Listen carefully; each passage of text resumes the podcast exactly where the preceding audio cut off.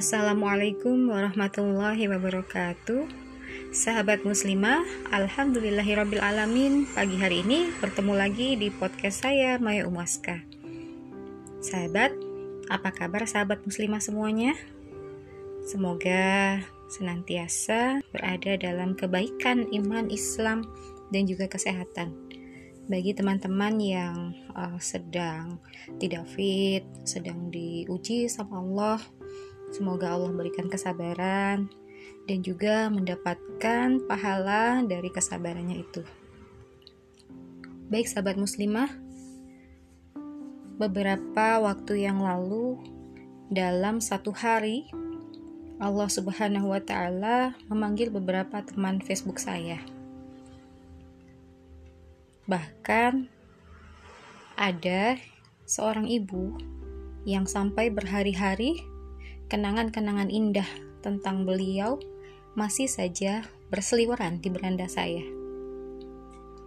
Tentu saja, berita-berita semacam ini seharusnya semakin mengingatkan kita bahwa ada satu hal yang itu tidak akan pernah luput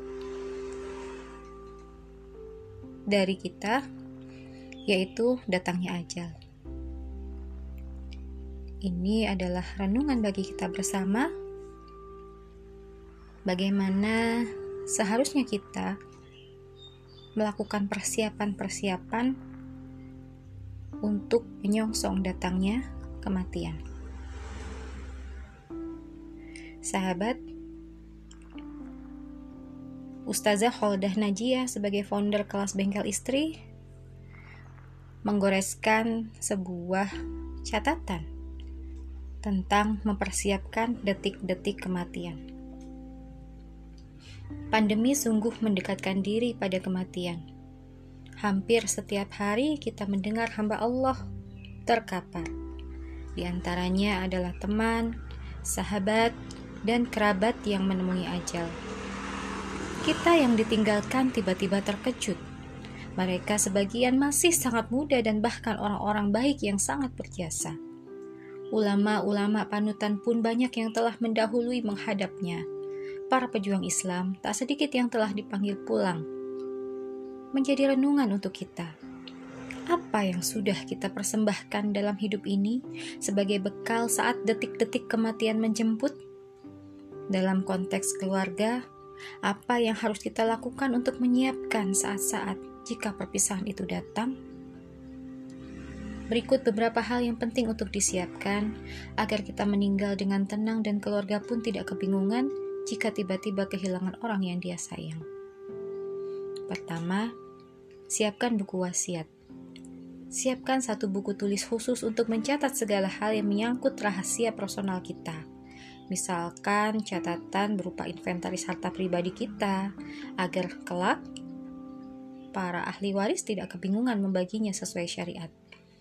Tentu selama hidup kita memiliki harta pribadi yang kelak harus diwariskan. Supaya tidak tercampur dengan harta suami atau harta bersama selama pernikahan, maka perlu dirinci dengan jelas. Hal ini menyangkut hak waris. Demikian pula inventaris kekayaan kita di dunia maya. Barangkali kita memiliki aset-aset di dunia digital yang bisa diteruskan oleh ahli waris, diperjualbelikan atau diwariskan. Catat jenis dan nama aset tersebut seperti alamat website, nama akun, dan passwordnya.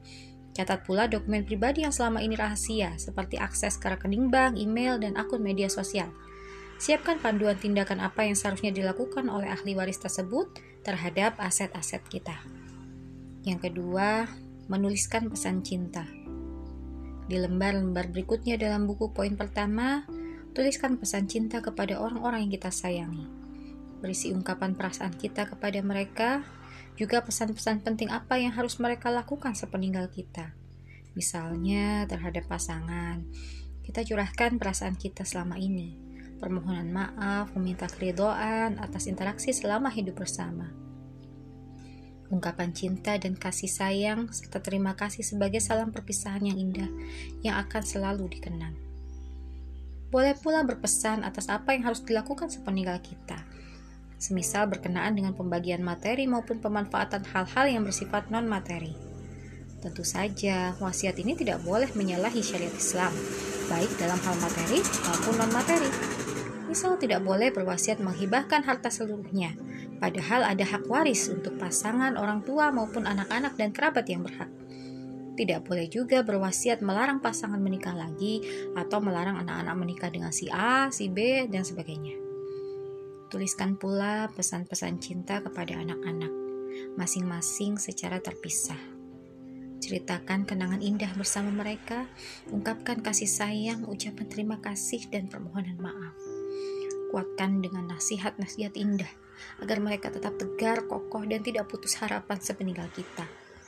Pesankan langkah-langkah apa yang sebaiknya mereka lakukan jika kita tidak dapat lagi mendampingi mereka.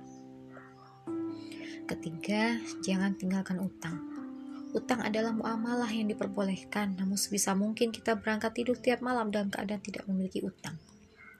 Jika punya, sebelum tidur catat dengan rinci di lembaran lain buku wasiat di poin pertama agar kalau ahli waris dapat melunasinya. Oleh karena itu, buku catatan itu memang harus terus direvisi isinya selama kita masih hidup. Mungkin ada penambahan harta milik, mungkin ada pengurangan utang, langsung kita update kapan saja selagi sempat. Khusus bagi yang punya bisnis, utang piutang tentu hal biasa yang tidak bisa dihindarkan. Catatan transaksi yang berkaitan dengan amanah terhadap pihak lain hendaknya juga diketahui anggota keluarganya agar kelak bisa diteruskan. 4. Meminta maaf dan meminta keridoan. Sangat baik bila mampu membiasakan diri selalu meminta maaf kepada anggota keluarga dan meminta keridoannya, khususnya istri kepada suami dan sebaliknya sehabis sholat isya atau sebelum tidur ucapkan maaf atas satu hari yang baru saja dilalui dan tanyakan apakah hari itu ia ridho. Apabila tidak bisa harian, bisa kapan saja seingatnya. Sebab yang demikian itu perlu pembiasaan.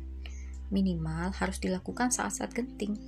Misal ketika perpisahan sementara, yakni ketika suami berangkat kerja keluar kota, saat sakit berat atau sehabis bertengkar bisa dengan ungkapan lisan, bisa dengan chat. Intinya jangan sampai tiba-tiba mengalami perpisahan dengan pasangan dalam keadaan sedang bertengkar. Kita tidak pernah tahu takdir apa yang menimpa. Itu sebabnya ketika berselisih sebisa mungkin segera berbaikan.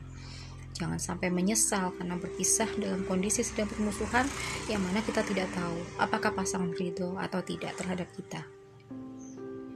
Terakhir, zikir dan istighfar setiap hari kita biasakan selalu suci dalam keadaan berwudu, memperbanyak zikir dan istighfar. Memang aktivitas harian kita sangat sibuk, terkadang tidak ingat melakukan itu. Beruntungnya sebagai muslim, Allah memerintahkan sholat lima waktu dalam sehari sehingga kita otomatis berdoa dan memohon ampun di sana. Sholat yang khusyuk dan diterima Allah subhanahu wa ta'ala insya Allah dapat menggugurkan dosa-dosa kecil yang kita buat di antara waktu sholat yang satu ke waktu yang berikutnya. Namun itu saja tak cukup. Mari kita menutup hari-hari dengan senantiasa istighfar, memohon ampun kepada Allah Subhanahu wa taala. Mana tahu kita tidur dan tidak lagi dapat terbangun atas kehendaknya. Sahabat muslimah, semoga hal ini menjadi pengingat kita semua karena sebaik-baik nasihat adalah mengingat kematian. Wallahu a'lam bishawab. Assalamualaikum warahmatullahi wabarakatuh.